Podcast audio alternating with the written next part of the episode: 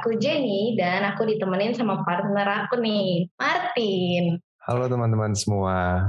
Oke, nah Tin, sebelum kita ngobrol-ngobrol lebih lanjut nih, kita kenalan lebih dalam dulu kali ya. Mau kamu duluan apa aku duluan? Hmm, boleh deh kamu duluan yang kenalan. Oke, kenalin nama aku Jenny Marcella, aku dari Fakultas Psikologi Unika Atmajaya, angkatan 2020, Aku dari Sipostaru 29. Dan aku Martin, aku sama kayak Jenny juga dari Fakultas Psikologi Unikat Majaya Angkatan 2020. Dan aku juga Sipostaru 29. Nah, Jen, kalau kamu sendiri kenapa sih kamu mau milih Fakultas Psikologi? Hmm, kalau aku sih karena psikologi kan mempelajari tentang manusia ya. Jadi menurut aku bakal uh, berguna sih buat aku ke depannya gitu. Kalau kamu sendiri gimana, Tim? Hmm, menarik juga ya alasan kamu ya. Kalau alasan aku sendiri sih, aku masuk psikologi karena dulu tuh aku suka dengerin curhatan-curhatan orang gitu, terus kayak suka memberikan saran. Jadi ya hmm. kayaknya menurut aku cocok aja gitu masuk ke psikologi. Gitu Jen. Oke, keren-keren. Berarti kamu nih tipe-tipe pendengar yang baik gitu ya. ya, kayak gitulah semoga. Eh, Jen, ngomongin tentang kuliah nih, kan kita hmm. kurang lebih udah satu tahun kuliah nih. Hmm. Kira-kira gimana sih kuliah kamu ini? Hmm, Oke, okay. kuliah ya, gitu-gitulah tugasnya banyak. Terus sekarang lagi semester antara ya, jadi nggak ada libur. Aduh capek banget sih. Uh, apalagi dari awal kuliah kan pas masuk pandemi ya, jadi uh, kuliahnya jadi rumah doang cuma tiap hari duduk depan laptop terus ya kadang capek sih kalau kamu gimana Tim?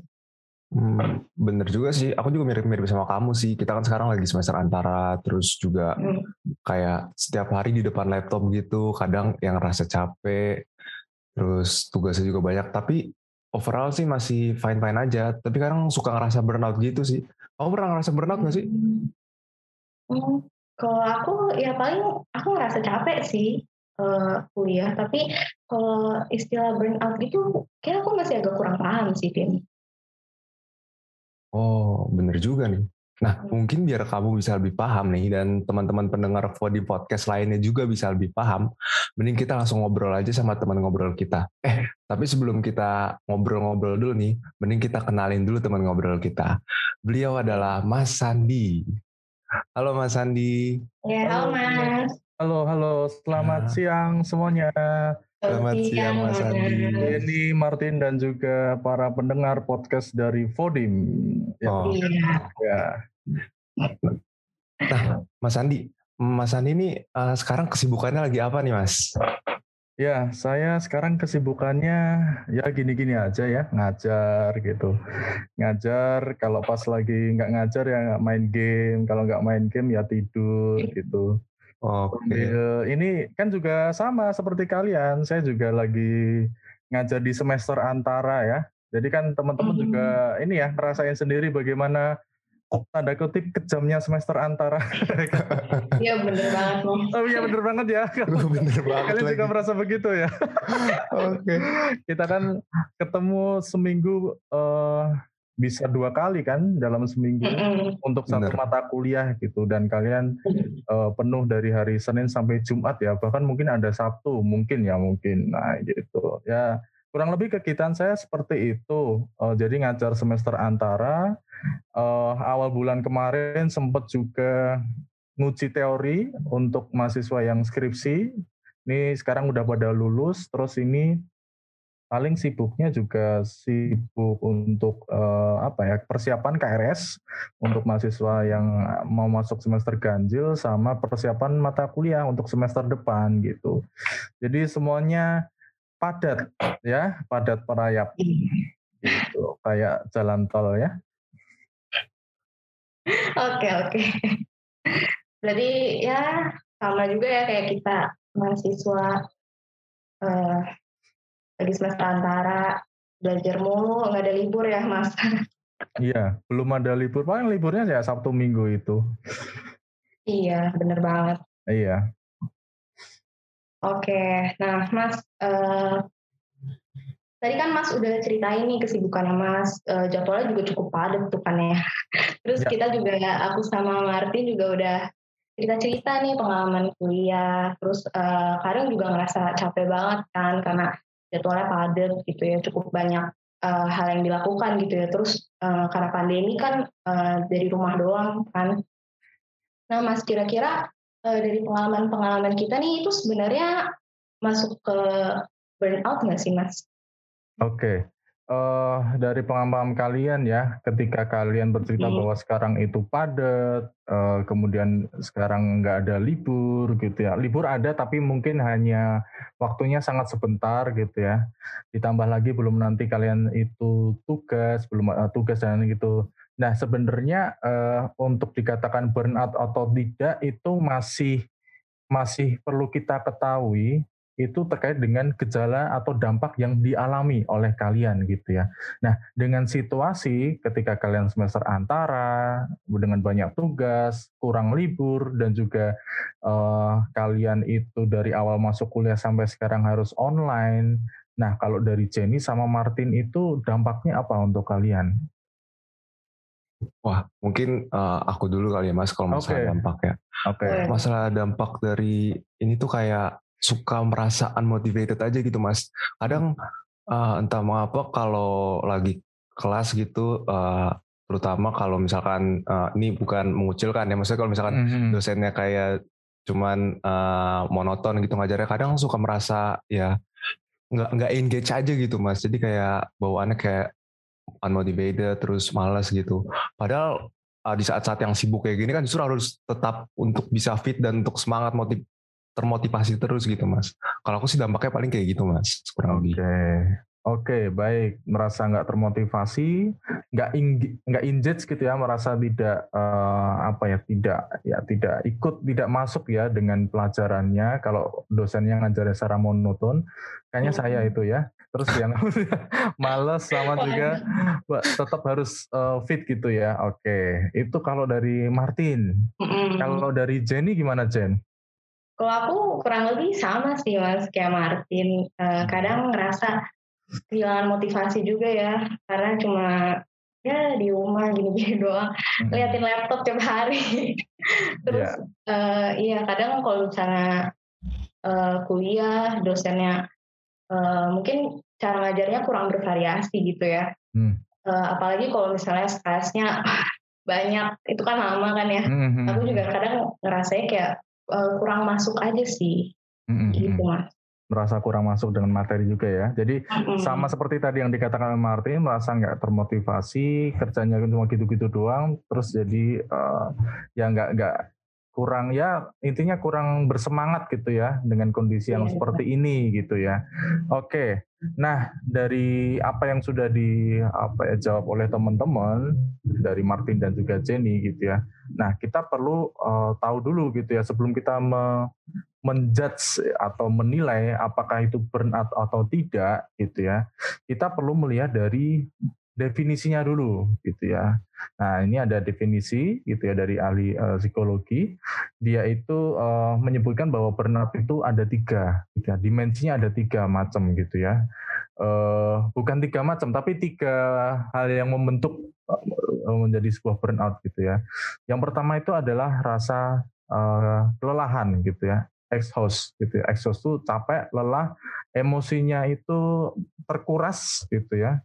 Sangat terkuras dengan kondisi yang uh, seperti ini karena apa? Karena aktivitasnya terjadi terus-menerus, rutin dan terus-menerus di mana kemudian kalian itu tidak ada kesempatan untuk dalam tanda kutip kayak istirahat. Tidak ada break gitu ya. Nah, Padahal kan uh, kita itu sebagai manusia kan uh, ya wajar ya kalau kita itu punya pikiran dan juga punya emosi gitu ya.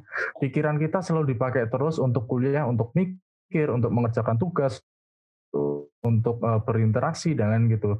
Emosi juga diperlukan juga untuk uh, pengelolaan perasaan kita bagaimana gitu ya, bagaimana kita bisa mengatur suasana hati kita gitu ya supaya uh, supaya bisa lebih tenang, supaya bisa lebih masuk pikiran-pikirannya atau bisa lebih masuk materi-materinya itu kan memang perlu seimbang gitu ya.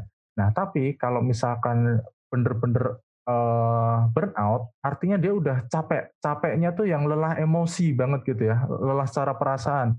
Kita udah punya apa ya uh, ketersediaan emosi. Aduh, aku udah sabar, aku udah sabar gitu ya. Uh, udah banyak tugas, oke aku udah sabar, sabar. Nah, di suatu titik ada uh, masa di mana kita itu benar-benar capek karena udah merasa ini kayaknya uh, aku udah nggak bisa toleransi dengan stres gitu ya nggak bisa toleransi dengan tuntutan tugas. Aku udah capek secara emosi. Nah itu yang dinamakan dengan exhaust gitu ya jadi merasa bahwa itu udah benar-benar lelah, capek. Nah, yang kedua, kita juga perlu lihat, perlu melihat gitu ya, bahwa ada dimensi dari burnout itu yang namanya sinism gitu ya. Kalau sinism itu artinya kita itu saking burnoutnya gitu ya, stres yang ber, eh, berkepanjangan, berlebihan, itu membuat kita itu memikirkan hal-hal yang negatif terus gitu ya tentang apa pun di sekitar kita dan kita merasa pengen kok kayaknya aku pengen ini deh, detach sama orang lain ya. Aku pengen mengisolasi diriku ya. Dah aku males ketemu orang gitu ya. Itu. Jadi pertama melihat segala sesuatu di sekitar kita negatif, ditambah lagi kita itu pengen mencoba tidak pengen berhubungan dengan apa yang sedang kita jalani pada saat ini. Ya kalau misalkan teman-teman uh, Jenny, Martin dan teman-teman yang lain gitu ya uh, merasa bahwa aduh aku kuliah males banget, aku nggak mau kuliah pagi jam 7 kelasnya S gitu ya, Mas S gitu ya, misalkan ya, itu males banget saya nggak mau kuliah nih gitu, aduh tugas aku nggak mau ngerjain tugas, aduh disuruh untuk ngerjain ini sama teman kelompok yang lain, males ah. Nah artinya kan dia mencoba untuk membatasi dirinya dengan lingkungan sekitarnya. Itu yang uh, yang kedua, sinisme yang terakhir itu ada yang dinamakan dengan kurangnya keinginan untuk uh, mencapai kompetensi yang lebih gitu. Dalam artian apa? Dulunya semangat banget, dulunya semangat banget, pengen punya target ya, meskipun ya nggak yang terlalu berlebihan atau gimana, tapi ada target. Oh, kuliah nih, uh, aku kuliah semester ini aku bisa dapat nilai ya minimal lulus lah gitu ya, minimal lulus uh, atau minimal dapat nilai 80 atau amin gitu ya, itu. Eh, A tuh 8 A tuh 80 deh, sorry. amin tuh 79 ke bawah gitu. 75 sampai 79. Minimal amin misalkan gitu ya. Tapi setelah kuliah berlangsung gitu, aduh ternyata banyak tekanan, banyak tugas, banyak ini dan burnout. Nah bisa dikatakan burnout kalau nanti dia itu juga udah uh, motivasinya rendah untuk mencapai tujuan yang dia sasar di awal gitu ya. Dia udah merasa nggak bisa produktif, merasa nggak bisa mampu untuk mengejar uh, tugas-tugasnya, merasa nggak bisa engage lagi dengan perkuliahannya. Nah itu artinya kalau misalkan uh, mau apa ya bisa memenuhi satu atau tiga dari tiga dimensi burnout itu ya mungkin bisa dikatakan sebagai burnout gitu ya. Bahwa benar-benar ya pertama capek kemudian yang kedua adalah melihat segala sesuatu itu secara negatif dan kita pengen terlepas dari lingkungan kita dan yang ketiga adalah kita itu udah kehilangan motivasi untuk mendapatkan prestasi gitu sih. Kurang lebih gitu. Mas berarti ada tiga um, dimensi itu yang bisa dikatakan jika orang mengalami tiga dimensi burnout itu tiga dimensi tersebut berarti mereka itu mengalami burnout gitu ya mas? Betul, betul. Jadi itu bisa jadi hal untuk identifikasi aku burnout gak ya? Coba kira-kira aku sejauh ini melihat uh, aktivitasku itu hal negatif terus atau enggak aku udah ini enggak uh, terlepas enggak misalkan aku udah bodoh amat lah gitu ya sama kuliahku gitu atau aku aduh aku capek banget tiap hari uh, ya capek nggak bisa tidur dan lain-lain. Nah itu kalau misalkan sudah ada gejala-gejala seperti itu ya mungkin bisa jadi itu udah mengarah ke burnout gitu sih. Oke, okay, I see hmm. mas. Pasti kalau ada akibat berarti ada sebabnya gitu kan ya mas. Betul. Nah, betul. Burnout ini kira-kira apa sih uh, yang bisa yang bisa men-trigger burnout ini dari dalam diri kita sendiri gitu mas? Oke. Okay. Uh, kalau dalam dari dalam diri memang uh, ada beberapa hal ya. Dan ini penting juga ya karena ini balik bahwa burnout itu yang bisa mengendalikan ya diri kita sendiri sebenarnya ya. E, bukan dari ketergantungan dari orang lain dari lingkungan sekitar dari tugas-tugas dari aktivitas enggak gitu. Tapi memang dari dalam diri. Nah dari dalam diri itu seperti apa sih yang membuat kita itu bisa menjadi burnout gitu ya? Nah ada beberapa hal. Itu yang pertama adalah dia itu merasa bahwa e, konsep dirinya itu rendah gitu ya. Konsep diri itu adalah bagaimana dia bisa melihat atau menilai dirinya. Dia merasa apa nggak pede, merasa nggak bisa menghargai diri. Gitu. Nah kalau tipe-tipe orang yang seperti itu merasa nggak pede, nggak menghargai diri, itu akan cenderung lebih mudah mengalami burnout gitu ya. Karena uh, ketika dia nggak pede, dia nggak bisa yakin terhadap uh, apa yang sedang dijalankan, ya otomatis nanti pikirannya akan mengarah ke sinisem, merasa bahwa uh, ini semua akan terjadi negatif gitu ya. Uh, melihat segala sesuatu itu dilihat sebagai sesuatu, sesuatu, sesuatu hal yang negatifnya gitu. Itu terkait dengan konsep diri yang kurang baik gitu ya melihatnya uh, terlalu buruk. Kemudian yang lain adalah kemampuan kita dalam mengendalikan emosi. Nah, kemampuan dalam mengendalikan emosi itu sangat penting dalam segala apa pun gitu. Termasuk salah satunya adalah burnout. Kalau ada stres yang berkel, apa ya, berkelanjutan dan nggak kita apa nggak kita tangani dengan baik, ya akan jadi burnout gitu ya. Nah, supaya bisa menjadi lebih baik, gimana gitu ya ya caranya adalah salah satunya adalah dengan uh, kemampuan kita untuk mengendalikan emosi kita gitu emosi dan juga pikiran kita. Nah kalau misalkan orang yang kemampuan pengendalian emosinya pengendalian pikirannya buruk nah itu menjadi faktor penyebab juga menjadi burnout. Contohnya, ada sesuatu hal yang bikin stres, tapi kita mencoba untuk menghindarinya, gitu ya, tidak dihadapi secara langsung, tidak berfokus pada untuk pemecahan masalahnya secara langsung. Ada tugas nggak pernah dikerjakan, apa aktivitas perlu dikerjakan bersama dengan kelompok nggak dikerjakan. Akhirnya numpuk, numpuk, numpuk. Itu kan artinya dia mencoba untuk menghindar ya dari tekanan-tekanan atau dari stresor. Stresor itu sumber stres gitu. Ya akhirnya akan menjadi dia capek sendiri. Dia capek sendiri, kemudian nggak bisa apa ya pengaruh ke emosinya juga. Tiba-tiba nanti tugasnya apa harus dikerjakan secara cepat, secara langsung karena dia itu harus UTS gitu ya atau UAS, ya akhirnya jadi kacau semuanya. Pikiran juga akan menjadi kacau juga. Gitu sih. Jadi lebih ke antara konsep dirinya dia dan juga dari uh, pengelolaan emosi dan pikirannya dia kalau dari dalam diri gitu. Oke. Oh, bener banget yang dikatain Mas Sandi. Aku juga kadang ngerasain sih Mas hmm. uh, dari dalam diri aku kayak kadang tuh awal-awalnya udah semangat kan ngerjain hmm. tugas-tugas kuliah waktu awal-awal tuh uh-uh. baru masuk kuliah terus lama-lama makin ke sini tuh kayak jadinya capek terus akhirnya uh, aku tuh jadi nunda-nunda gitu mas kayak hmm. uh, ah ya udahlah ntar aja udah capek gitu kan mas hmm. jadi aku uh, nunda nunda nunda sampai akhirnya ketumpuk gitu mas yeah, jadi yeah. capek sendiri juga sih terus uh, akhirnya aku juga kadang kayak uh, ya gitu sih marah-marah sendiri juga kayak ini tugas banyak banget sih padahal kan nah. sebenarnya sudah dikerjain dari awal-awal gitu kan mas ya ya kemudian jadi marah-marah sendiri padahal cara penyelesaian masalahnya kurang tepat tadi itu ya cara bagaimana hmm. kita mengelola emosi dan pikiran itu nggak tepat terus jadi marah-marah sendiri gitu ya iya betul banget iya ha, ha, ha. mungkin kalau dari Martin ada yang mau diceritain nggak nih? Um, ya mirip-mirip sama pemicu burnout.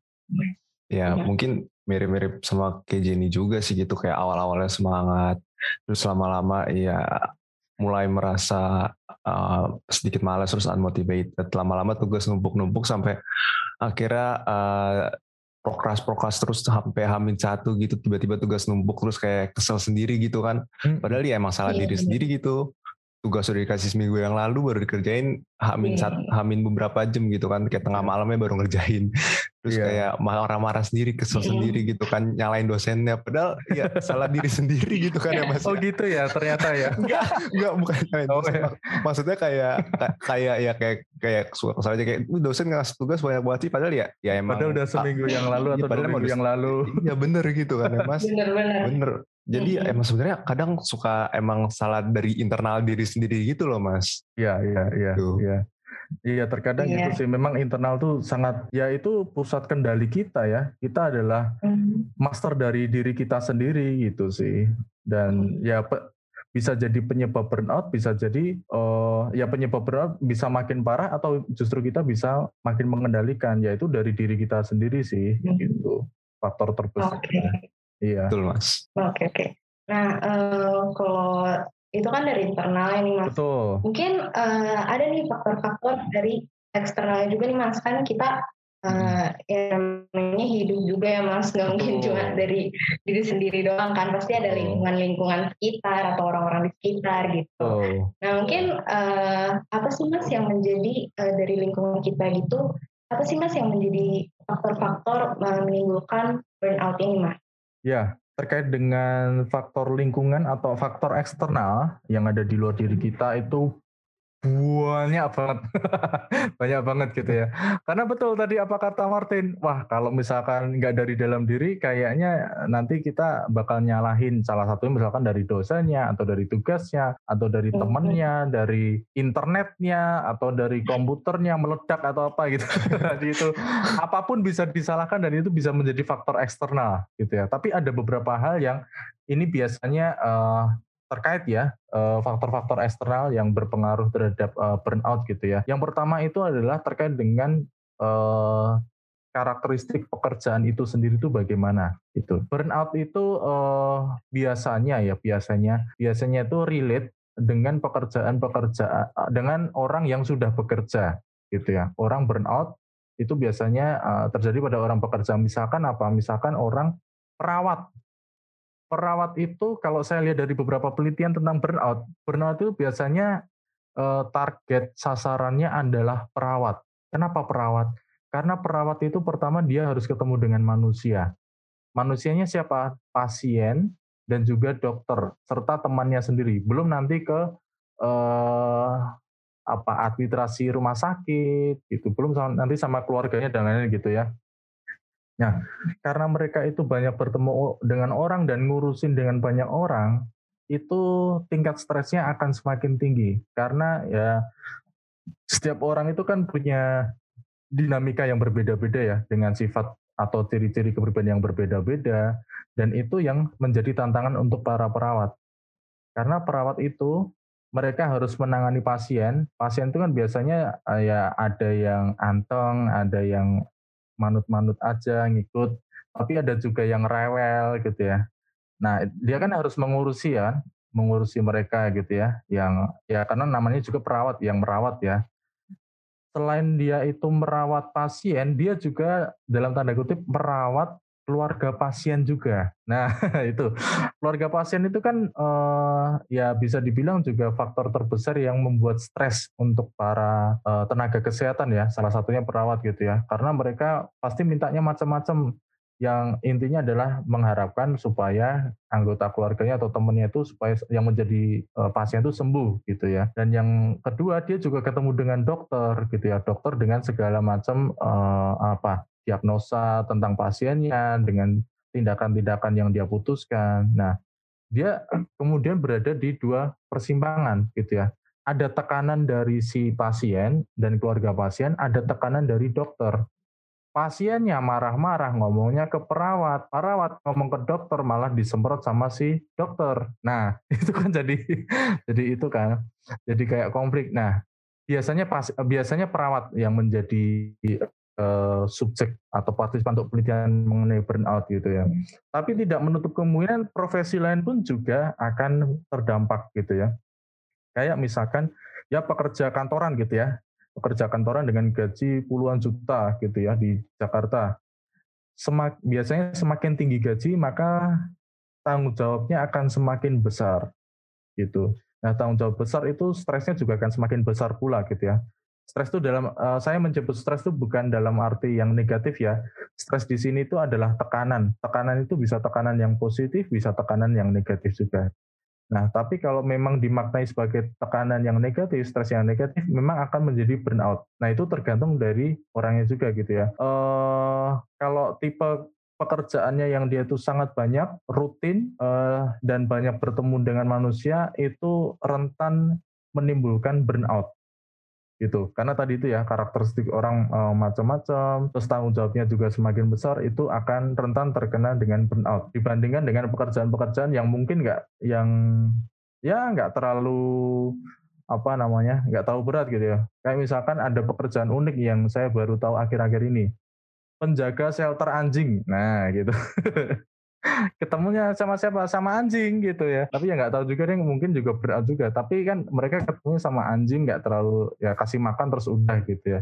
Mungkin mereka ini nggak terlalu tingkat burnoutnya nggak terlalu tinggi ya. Ya karena mereka hanya jaga anjing kasih makan terus udah keluar gitu ya. Dia nungguin gitu. Nah pertama dari karakteristik pekerjaannya gitu ya. Pun sebenarnya juga mahasiswa juga bisa uh, itu melihat dari karakteristik tugas yang didapatkan biasanya kalau semester semester awal itu masih relatif lebih mudah ya untuk uh, apa uh, materinya gitu ya. Tapi akan mulai semakin ke atas ya, semakin tinggi itu beban tugas-tugas kuliahnya akan semakin uh, tinggi juga tingkat ke, uh, bebannya gitu ya. Ditambah lagi sampai yang terakhir, tugas terakhir yang kalian dikerjakan nanti di kuliah kan skripsi. Nah, itu kan bebannya juga tinggi ya karena kalian itu harus mengerjakan maksimal kan kuliah itu maksimal kan sampai tujuh tahun ya.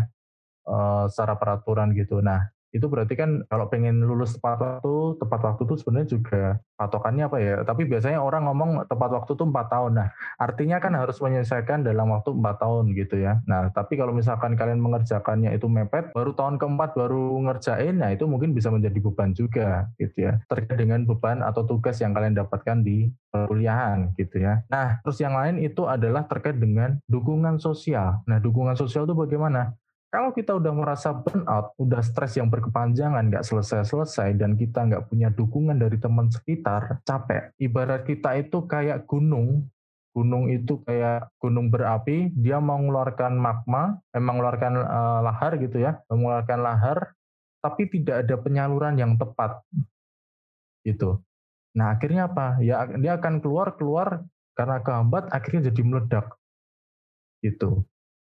Nah dukungan sosial itu penting banget, apalagi dalam kondisi pandemi seperti ini, yang mana kita itu terbatas secara uh, fisik dan sosial, nggak bisa ketemu langsung. Tapi bukan berarti kita nggak bisa ya dengan teknologi seperti ini. Saya yang uh, nggak pernah ketemu dengan Martin dan Jenny yang harusnya ketemu secara langsung gitu ya dalam uh, podcast seperti ini atau mungkin kuliah langsung seperti ini ya memang uh, akhirnya bisa disatukan dengan teknologi seperti ini. Nah, teknologi seperti ini ya membantu kita untuk membentuk dukungan sosial supaya kita apa?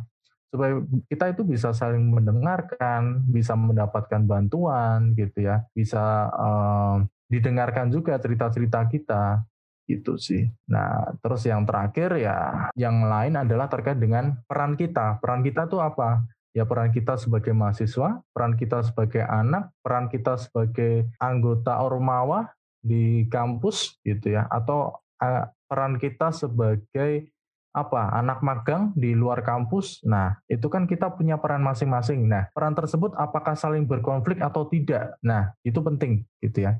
Karena kalau misalkan, uh, aduh, aku mahasiswa nih tiap hari Senin sampai Jumat kuliah, tapi hari uh, apa hari Senin pagi sama Selasa pagi aku juga harus kerja nih. Nah, ini kan berarti ada konflik peran kan.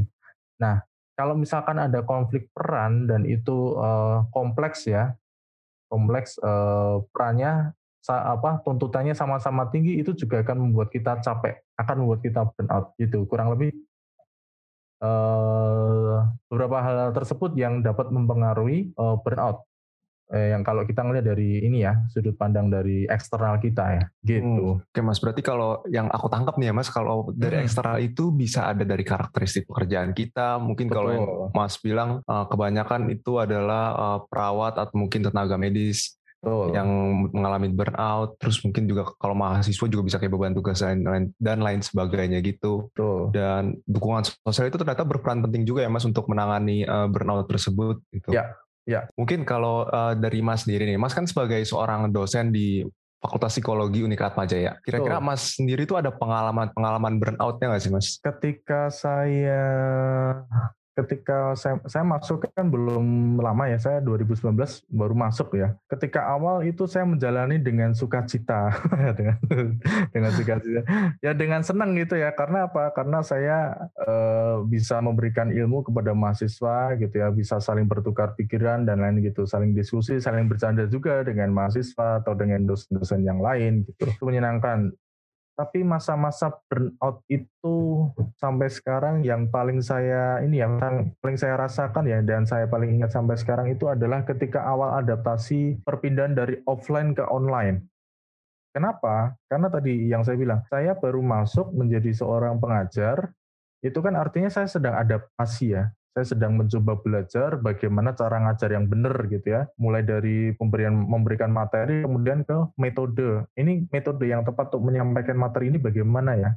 Terus nanti kalau ada mahasiswa yang dia itu aneh-aneh itu bagaimana ya? Terus nanti cara koreksi dan lain itu bagaimana gitu ya? Pengaturannya bagaimana per pertemuannya itu kan saya sedang belajar ya gitu. Satu tahun kemudian ternyata pandemi gitu ya, di mana saya sedang senang-senangnya mencoba untuk adaptasi, ternyata pandemi yang membuat saya itu jadi, aduh, jadi online semua gitu ya. Saya yang tadinya senang banget ketemu dengan pertemuan senang, saya tuh kalau datang ke kelas itu biasanya hadir lima menit sebelumnya. Kalau terlambat biasanya saya ngomong jauh-jauh hari. Eh saya tolong saya uh, nanti pertemuan ini terlambat kurang lebih lima menit nggak sampai yang 15 sampai 30 jam eh 30 jam 30 menit gitu nggak pernah gitu. Nah, saya kan senang ya maksudnya ngajar gitu senang ketemu mahasiswa eh ternyata harus online gitu ya dan saya harus adaptasi. Ini gimana sih caranya memberikan kuliah secara online gitu. Pada saat itu saya belum uh, familiar dengan Microsoft Teams itu apa, memberikan tugas juga baru lewat WhatsApp dan email. Dan menurut saya, aduh ini nggak efektif banget. Dan itu kan awalnya kan berlangsung pada situ kan sempat off ya, uh, karena Februari kan itu udah mulai masuk, baru pertemuan keberapa sebelum UTS udah off, kurang lebih dua atau tiga minggu kayak gitu. Perkuliahan sempat off gitu ya. Dan pada saat itu ya kondisinya juga nggak bisa ke mana-mana karena takut virus gitu ya. Dan di rumah juga nggak ngapa-ngapain, bingung gitu ya, terisolasi gitu ya. Ditambah lagi nggak ada sesuatu yang membuat saya itu kayak termotivasi untuk bergerak pada saat itu ya gitu. Saya jadi capek, ah males ah, males kuliah, uh, males males megang atau males ngurusin hal-hal yang berbau dengan kuliah gitu ya. Karena kondisinya seperti ini gitu ya. Terus saya juga capek uh, secara emosional juga. Maksudnya ya ya mau gimana lagi kita juga nggak bisa ngapa-ngapain gitu. Padahal beban pikirannya numpuk kan. Uh, karena hmm. kuliahnya hmm. selesai. Nanti UTS mereka gimana, nanti materi mereka bagaimana dan lain-lain gitu. Pada saat itu tuh sempat ada gejala-gejala burnout ya. Sempat ada gejala-gejala burnout gitu. Tapi ya pada akhirnya saya kemudian uh, dapat insight ya dapat insight-nya memang dipengaruhi sama faktor eksternal gitu ya. Karena ada mahasiswa yang dengan kondisi seperti ini mereka ya mereka juga awalnya juga uh, kaget gitu ya, uh, stres juga gitu dan lain. Tapi beberapa hari kemudian gitu ya setelah pembelakuan bahwa kampus ditutup, yang mereka menghubungi saya secara pribadi melalui ketua kelasnya dan juga ada beberapa teman yang lain juga gitu. Mas ini uh, kelasnya bagaimana gitu dan lain gitu. Kita ya intinya mereka masih mengharapkan untuk mendapatkan materi. Nah dari situ saya tergugah oh iya ya saya masih punya tanggung jawab saya sebagai seorang dosen, seorang pengajar itu masih ada tanggung jawab yang banyak. Mahasiswa aja masih bersemangat kok dalam uh, apa berkuliah, masih termotivasi kok masa saya sebagai orang yang memberikan pendidikan malah malah molor sih atau malah nggak termotivasi sih. Nah, mulai dari situ saya oh ya, berarti strategiku adalah saya nggak bisa terus-terusan kayak gini gitu ya. Saya nggak bisa terbelenggu dengan emosi-emosi saya yang negatif, memandang bahwa kuliah itu nggak bakal selancar kayak dulu, uh, terus saya nggak bisa se semaksimal atau seefektif atau seoptimal ketika dulu offline. Nah, itu pikiran-pikiran tersebut kemudian saya coba eliminasi satu persatu. Enggak kok, enggak semuanya ternyata pikiran saya negatif seperti ini. Ada loh mahasiswa yang mereka itu mencari saya untuk tetap mereka tetap diberikan materi dengan kondisi yang terbatas. Nah, itu yang membuat saya termotivasi dari gejala-gejala burnout yang sempat saya alami pada saat itu gitu. Jadi kalau dikatakan apakah pengajar di Fakultas Psikologi itu selalu sehat mental? Eh, belum tentu gitu. kita juga manusia gitu ya. Kita juga manusia, kita juga perlu uh, merasakan jadi manusia. Kita boleh dong merasa emosi-emosi negatif atau emosi positif, merasa na apa merasa sedih, merasa stres itu juga wajar banget gitu sih. Nah, Oke, okay, bener banget nih Mas. Jadi nih yang buat teman-teman pendengar Podium Podcast yang masih mahasiswa dan kita-kita juga nih masih mahasiswa, bahwa kita juga harus bisa memahami dosen gitu karena ya dosen juga manusia gitu mereka juga bisa burnout sama kayak kita jadi ya sama, ya iya. harus bisa saling memahami lah ada komunikasi antara iya. dosen dengan mahasiswa gitu tuh tuh, tuh. wah saya seneng nih dipuji-puji ini ternyata dipahami mahasiswa juga ya kita sama-sama belajar kan saya belajar melihat dari sudut pandang pengajar melihat mahasiswa mahasiswa juga perlu melihat dari sudut pandang dosen seperti apa gitu benar-benar Iya benar-benar. Mm-hmm. Apalagi sekarang pandemi uh, dirasain sama semua orang juga ya. Jadi kita sama-sama melewatin ini bareng-bareng gitu. Iya, melewati ini bareng bener melewati bareng-bareng dan itu makanya dukungan sosial itu penting. Bahwa kalian itu nggak sendirian gitu ya. Kalian itu yang merasakan capek, lelah itu nggak cuma kamu doang di dunia ini, semua juga merasakan gitu ya itu termasuk Lionel Messi. Eh enggak Lionel Messi. Lionel Messi. Lionel Messi enggak burnout. Dia udah dapat gaji lumayan kan? Udah move on gitu ya mas? Udah move on. Ya. Aduh kok malah bahas Lionel Messi. Aduh. Ya gitu. Oke okay, oke. Okay. Nah, balik lagi nih ke topiknya. Sebenarnya uh, burnout ini uh, bahaya nggak sih mas buat kita? Oke, okay, pertanyaan yang bagus. Burnout itu bahaya atau enggak? Saya jawab bahaya. Mm. Bahaya kalau tidak segera ditanggulangi gitu, karena berkepanjangan. Ibarat gini, burnout itu ibarat eh, motor itu kan ada rodanya ya, motor atau mobil atau kendaraan itu ada rodanya ya. Nah, eh, ibarat motor itu kita gas terus, tapi sambil direm, gitu ya. Jadi pengen jalan tapi kayak pengen oh udah stop udah stop gitu ya. Akhirnya apa? Roda ter, roda tersebut akan berputar terus tapi sambil direm gitu ya. Akhirnya apa? Timbul percikan. Percikan api, panas, panas timbul percikan api dan mengeluarkan asap. Nah, itu burnout itu seperti itu gitu.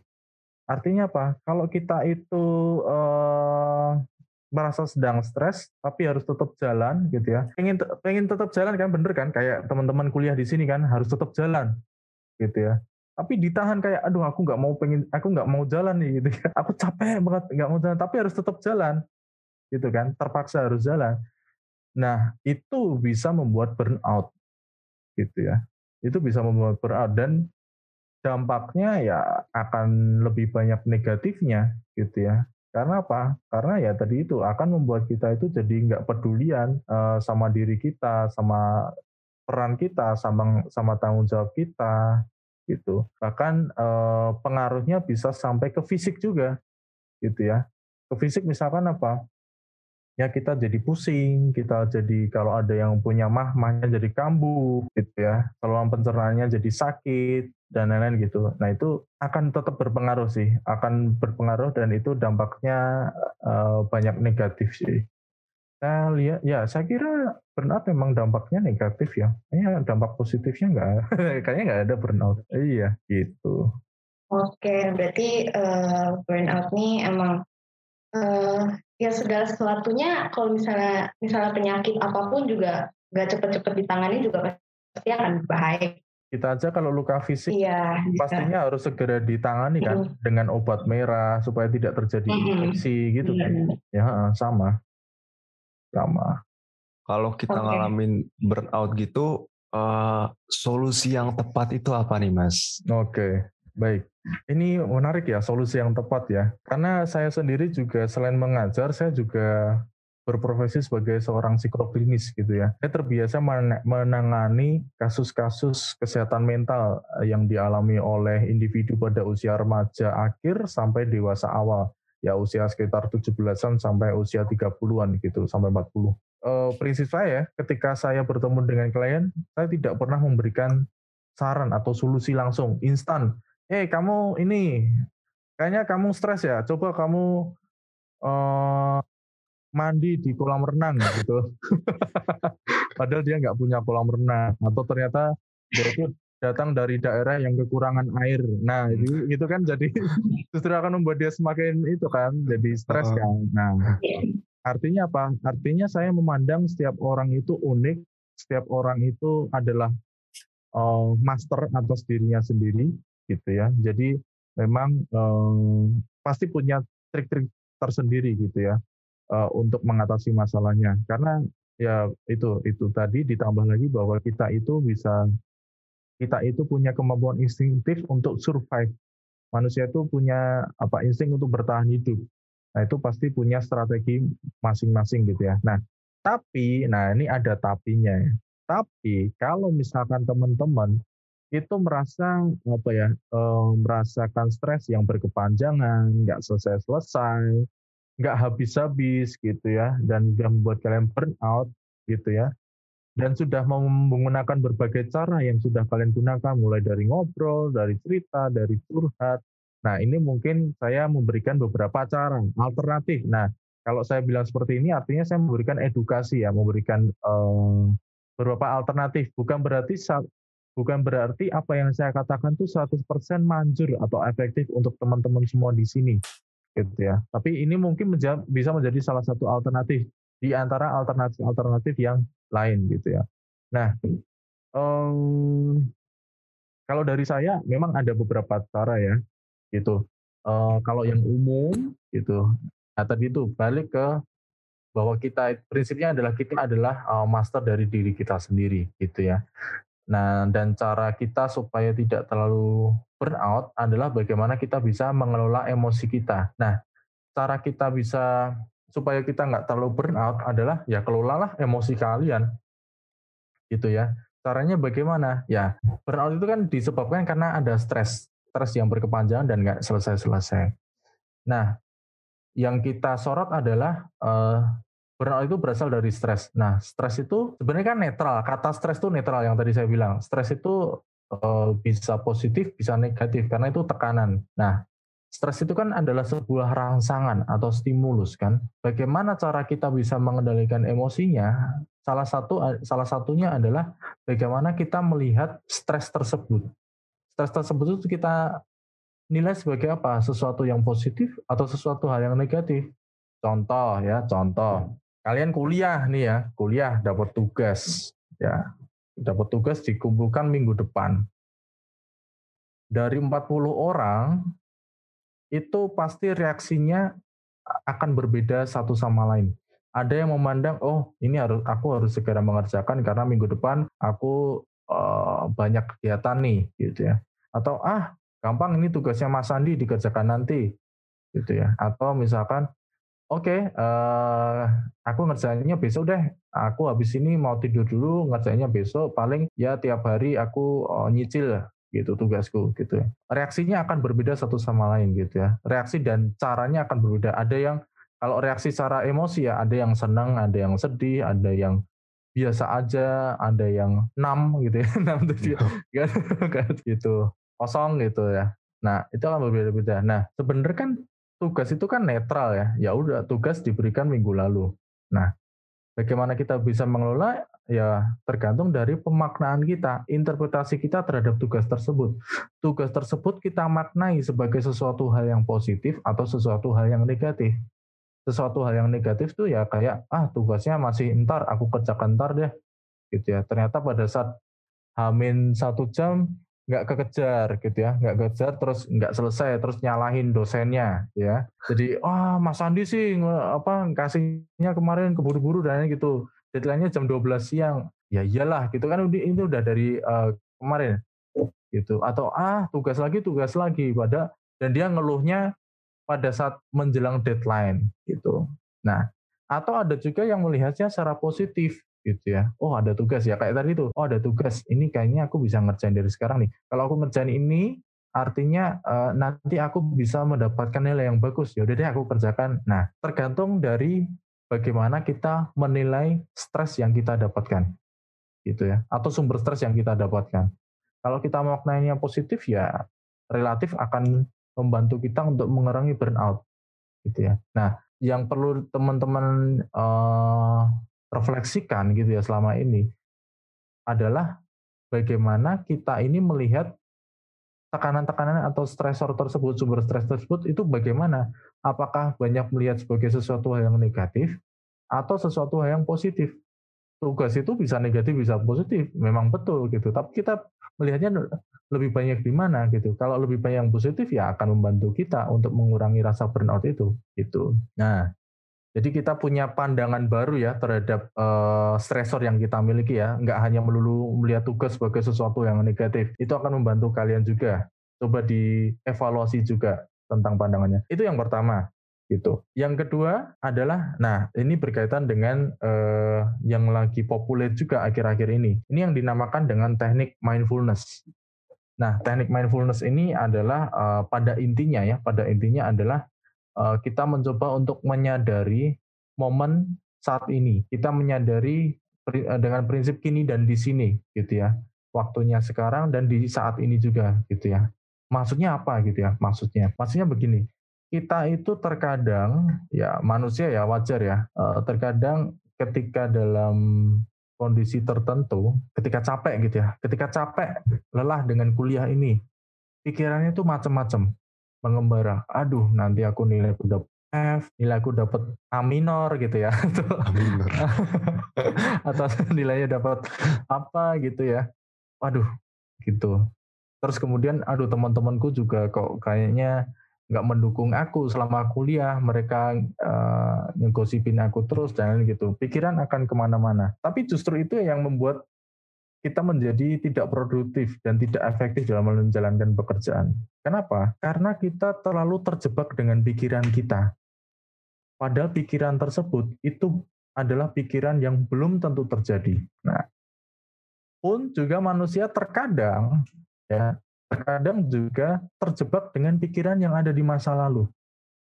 Perasaan bersalah, perasaan menyesal, perasaan kecewa terhadap pengalaman di masa lalu biasanya akan muncul juga aduh kemarin kok ya aku ambil semester antara gitu misalkan ya gitu ya kok ya aku kemarin ambil di Atma Jaya gitu kok ya kemarin aku ambil kuliah kenapa ya? Kenapa aku nggak jadi youtuber aja gitu ya? Kan bisa dapat duit daripada kuliah udah capek nggak dibayar lagi malah kami yang bayar gitu.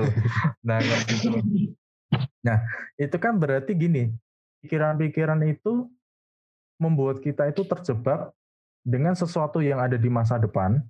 Masa depan itu adalah ini ya tadi itu ya kekhawatiran, kecemasan bahwa aduh nanti nilaiku gini, aduh nanti temanku gini gitu. Atau pikiran kita itu eh, atau emosi kita terjebak dengan sesuatu yang di masa lalu. Itu tadi ke kecewaan, penyesalan dan lain gitu. Nah, kalau kita terlalu terjebak dengan apa yang ada di masa depan atau di masa lalu, itu memang tidak baik dan itu ya akan membuat kita burnout, kita akan overwhelm, kita akan istilahnya kalau ada badai ya kita akan terhempas oleh badai tersebut. Nah, supaya kita tidak terhempas oleh badai pikiran-pikiran tersebut, cara kita adalah supaya uh, dengan cara mindful, menyadari kondisi kini dan di sini. Saya sekarang sedang berbicara dengan Martin dan juga Jenny beserta dengan pendengar podcast uh, yang lain. Ya udah saya fokus, saya aware bahwa saya sedang berbicara. Saya sedang berbicara tentang apa mindfulness, saya berbicara tentang uh, burnout. Itu saya sadar gitu ya. Nah, terkadang manusia itu lupa bahwa kita itu tidak menyadari dengan apa yang sedang kita pikirkan dengan dan dengan apa yang sedang kita lakukan. Gitu. Yang akhirnya berdampak pada apa? pada stres, stres yang kemudian numpuk dan kemudian burnout. Kalau ada stres, eh, kita biasanya, tapi nggak semua ya, saya nggak nembak ke semuanya. Kalau ada stres, biasanya kita menolak, eh aduh ada stres nih, aduh nih datang nih orang nih, ini orang datang nih gitu di pikiran ya, muncul di pikiran, ini orang datang nih. Nah kita biasanya strateginya adalah menolak atau menghindarinya atau membiarkan dia semakin jauh gitu ya. Tapi justru hal-hal tersebut yang membuat kita makin menjadi tambah capek. Karena pikiran yang semakin kita negasikan itu justru akan semakin sering muncul ke dalam diri kita. Apa yang kita lupakan, apa yang sering kita lupakan justru akan sering kita ingat. Gitu. Apa yang kita pendam justru nanti akan kita bisa ingat juga. Gitu. Nah, dengan cara mindfulness ini, ini sebenarnya prinsip ya, lebih ke prinsip mindfulness ini. Dengan mindful ini, kita itu belajar untuk mengamati dan menyadari pikiran-pikiran kita. Baik itu pikiran yang di masa lalu, masa depan, gitu. kita mencoba untuk menyadari dan mengamatinya kita sebagai pengamat observer atas apa yang sedang kita pikirkan, apa yang sedang kita rasakan. Oh ya, saya Sandi sedang ini ya, Sandi ini sedang capek, Sandi ini sedang lelah, sedang stres karena semester antara gitu ya, sedang capek. Nggak apa-apa gitu, nggak apa-apa. Ya udah, kamu datang aja nggak apa-apa gitu ya. Nah, artinya apa? Kita sedang mengamati, sedang menyadari, oh ya aku stres ya. Ternyata selama ini yang aku coba untuk pendem bahwa aduh aku nggak mau nih uh, bahas tentang uh, mantan pacarku yang dulu gitu ya. Sakit hati karena mantanku gitu ya. Karena ternyata dia uh, selingkuh dengan om-om misalkan ya gitu ya. Terus itu kemudian dipendem gitu kemudian dipendem gitu dipendem. Tapi justru semakin dipendem semakin dipendem justru akan semakin membuat kita akan mudah untuk mengingatnya. Nah justru dengan kita mencoba untuk sadar oh ya Sandi sedang memendem ini ya uh, perasaan kecewa terhadap mantannya. Ini maaf, ini bukan curhat ya, ini uh, ilustrasi. iya mas, nggak apa mas, tenang aja. gitu nanti saya, oh iya mas Andi ini ya, ternyata suka om-om, eh bukan mas, bukan. ternyata masih ada kekecewaan dengan mantannya gitu, misalkan ya gitu. Nah, kita mencoba untuk menyadari dan mengamati pikiran tersebut itu udah membantu kita. Artinya apa? Kita mencoba untuk berdamai mencoba untuk berkenalan dengan apa yang membuat kita stres. Semakin kita bisa berkenalan, semakin kita bisa berdamai, artinya ya kita bisa hidup berdampingan dengan sesuatu yang membuat kita stres tersebut. Caranya dengan gimana? Ya dengan menyadari yang kini dan di sini itu. Gitu ya. Oh, sadar pikiranku itu seperti ini. Nah, untuk bisa menyadari uh, dan memahami uh, kondisi saya seperti ini, perasaan saya seperti ini, pikiran seperti ini, memang ada beberapa teknik gitu ya yang terkait dengan prinsip mindful gitu. Salah satunya yang mungkin dalam bentuk formal itu meditasi gitu ya, meditasi. Tapi meditasi di sini bukan berarti ke mengarah ke agama tertentu enggak ya itu enggak gitu ya tidak mengarah ke agama tertentu semua bisa melakukan artinya kita duduk diam cari tempat yang tenang take a break sebentar gitu ya, duduk, duduk diam sambil ngamatin pikiran yang muncul apa saja, amati saja, nggak usah dijudge, udah amati aja. Oh ini ada pikiran yang datang ini. Oh ini nggak usah dijudge. Oh itu pikiran buruk nih, minggir kamu gitu.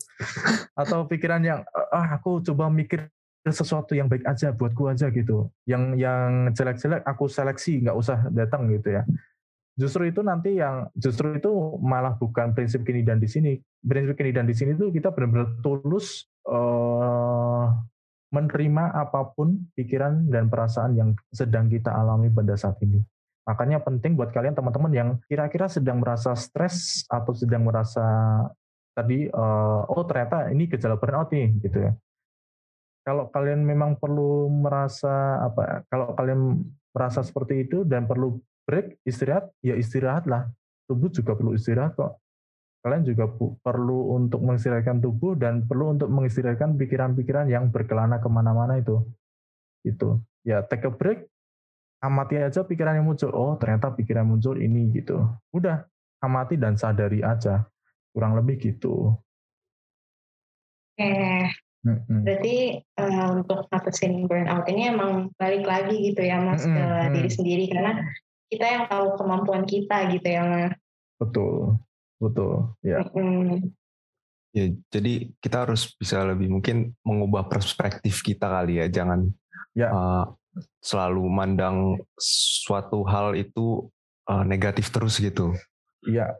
Benar banget. Terus juga um, seperti yang teknik mindfulness tadi ya kita harus lebih aware dengan apa yang ada sekarang gitu. Jangan mungkin kalau mikirin tentang masa lalu masa depan boleh kali gitu ya mas. Cuman jangan boleh, terlalu boleh. berlebihan atau jangan sampai terjebak gitu karena betul uh. segala sesuatu yang berlebihan ya emang nggak baik gitu kan ya. Betul betul. Ini bukan berarti dengan prinsip kini dan di sini tuh kita bukan berarti nggak boleh mikirin masa lalu atau nggak boleh mikirin masa depan. Tapi yang tidak yang tidak yang perlu kita hindari adalah kita jangan sampai terjebak dengan pikiran di masa lalu atau masa depan gitu sih. Benar-benar. Uh-uh. Dan kita juga tadinya seperti Mas bilang ya kita harus bisa berdamai lah kayak intinya berdamai dengan diri sendiri gitu. Kalau kalau ada mungkin suatu problem atau masalahnya jangan di jangan lari gitu tapi kita hadapi hmm. dan kita mencoba untuk bisa berdamai dengan hal-hal tersebut gitu. Iya. berdamailah dengan hal-hal yang selama ini mungkin masih kalian simpan, masih kalian pendam gitu. Karena ya ibarat orang buang sampah pasti akan kecium baunya juga sih gitu. Sewaktu-waktu pasti akan ketemu juga gitu ya. Masalahnya di mana dan lain gitu. Kalau punya masalah ya keluarin aja gitu ya. Punya masalah keluarin aja gitu ya. Atau sadari juga bisa gitu sih. Oke, oke. Oke, pembahasannya dalam banget ya ini. Oh iya ya, terlalu dalam ya kayaknya ya. Jadi bikin saya lapar nih malah. Aduh. Ya. Tapi nggak apa-apa, ini bermanfaat banget buat teman-teman yang lagi pada kuliah online, buat mahasiswa-mahasiswa dan ya calon-calon mahasiswa nantinya. Ya, betul. Hmm, bener banget, bener. Gampangannya ini, kalau misalkan ini teman-teman sedang mendengarkan gitu ya, teman-teman bisa fokus dengan apa yang sedang kami bincangkan, ya itu udah prinsip mindful gitu sih. Artinya benar-benar memberikan atensi dan menyadari bahwa kalian itu sedang mendengarkan. Nah, itu artinya kalian sedang melatih uh, mindful kalian, melatih uh, prinsip kini dan di sini gitu, here and now. Begitu. Nah, mungkin nih Mas kayak yang tadi barusan aku bilang kan di sini banyak teman-teman yang lagi kuliah online terus ada mahasiswa-mahasiswa yang baru mau uh, untuk masuk uh, kuliah. Mungkin kuliah. Mas ada pesan-pesan sedikit buat mereka supaya ya jangan apa ya kayak mengatasi burnout nantinya untuk siap gitu kalau misalkan ada burnout gitu mas. Ya baik buat teman-teman yang sedang mendengarkan ya atau yang nanti akan atau yang sedang kuliah dan yang nanti mau masuk kuliah gitu ya di mana pun kalian berada. Uh, kalau kita punya uh, apa ya pikiran negatif negatif atau kita merasa bahwa kita itu tidak sedang baik-baik saja itu itu oke okay, gitu. Itu wajar, netral setiap orang uh, mengalaminya gitu ya. Tapi yang terpenting adalah oke, okay, kalian sadar bahwa kalian itu sedang uh, sedang tidak baik-baik saja, sedang mengalami emosi-emosi yang negatif atau pikiran negatif gitu ya. Sadari itu supaya apa? Supaya tidak berkelanjutan atau tidak berkepanjangan. Jadi kalau kalian sudah merasa stres, sudah merasa capek, merasa lelah dengan apa yang sedang kalian lakukan selama ini, oke okay, nggak apa-apa, wajar kalau kamu misalkan pengen istirahat atau kalian pengen eh, apa curhat ke teman atau curhat kalau di apa aja kan ada beberapa saluran ya untuk layanan psikologi gitu ya. Kalau di psikologi ada UKM welcome misalkan ya. Kalau di universitas ada eh, kampus ministry gitu untuk uh, saling berbagi gitu ya. Intinya apa? Intinya supaya apa yang kita alami emosi negatif, pikiran negatif itu tidak terlalu menumpuk sehingga nanti membuat kita akan menjadi burnout. Karena burnout itu memang tidak baik juga untuk kesehatan kita, baik untuk kesehatan fisik dan juga untuk kesehatan mental kita gitu ya. Caranya gimana? Nah, ada beberapa cara gitu ya. Tapi yang paling utama adalah diri kalian yang bisa mengendalikan gitu ya. Kalau dari saya tadi yang seperti udah saya sempat jelaskan kepada teman-teman. Yang pertama adalah coba ubah pandangan kalian, persepsi kalian dalam memandang stres itu bagaimana. Itu. Ubahlah ke cara yang lebih adaptif gitu ya, yang bisa lebih ada apa ya, lebih bisa menyesuaikan dengan kalian juga. Yang kedua adalah coba latihlah dengan prinsip mindfulness. Prinsip kalian itu mencoba belajar untuk fokus atau menyadari uh, ini dan di sini dengan apa yang sedang kalian rasakan, dengan apa yang sedang kalian pikirkan. Dengan begitu kita akan perlahan-lahan belajar untuk mengelola emosi kita, bisa kenal dengan uh, stresor kita atau sumber stres kita, dan bisa berdamai dengan uh, hal yang membuat kita stres gitu sih. Oke, bener banget.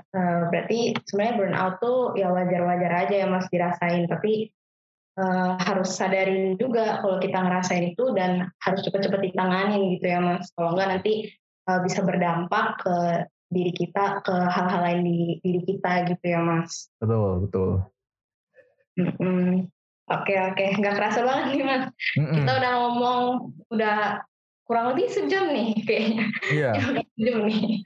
Seru banget pembahasan hari ini sama Mas Andi. Uh, thank you banget Mas Andi udah menyempatkan, meluangkan waktunya untuk ngobrol-ngobrol nih sama kita, terus uh, sharing uh, pengalaman sama ilmunya buat kita nih mas sama um, untuk teman-teman pendengar podcast ini ya. Iya. ya semoga uh, teman-teman yang dengerin podcastnya bisa mendapatkan sesuatu dari sini, bisa uh, menyadari tentang burnout itu ya, uh, dan bisa mungkin uh, menerapkan hal-hal buat ngatasin burnout itu ya, bisa jadi bisa nyadar dari diri sendiri gitu. Nah, uh, kalau teman-teman mau tahu lagi nih tentang update podcast atau acara-acara Podim lainnya, eh, teman-teman boleh nih cek ke Instagram Podim di @podim@atmajaya. Nah, sekian uh, mungkin sekian kali yang podcast Podim kali ini karena udah cukup panjang banget nih Mas. Oke. Okay. Oke. Okay. Terima kasih Jenny, terima mm, kasih Martin dan teman-teman Podim yang lain. Semoga bermanfaat untuk kita semua kasih Mas. Iya, thank you banget Mas Andi atas ya. waktunya. Thank you teman-teman yang udah dengerin.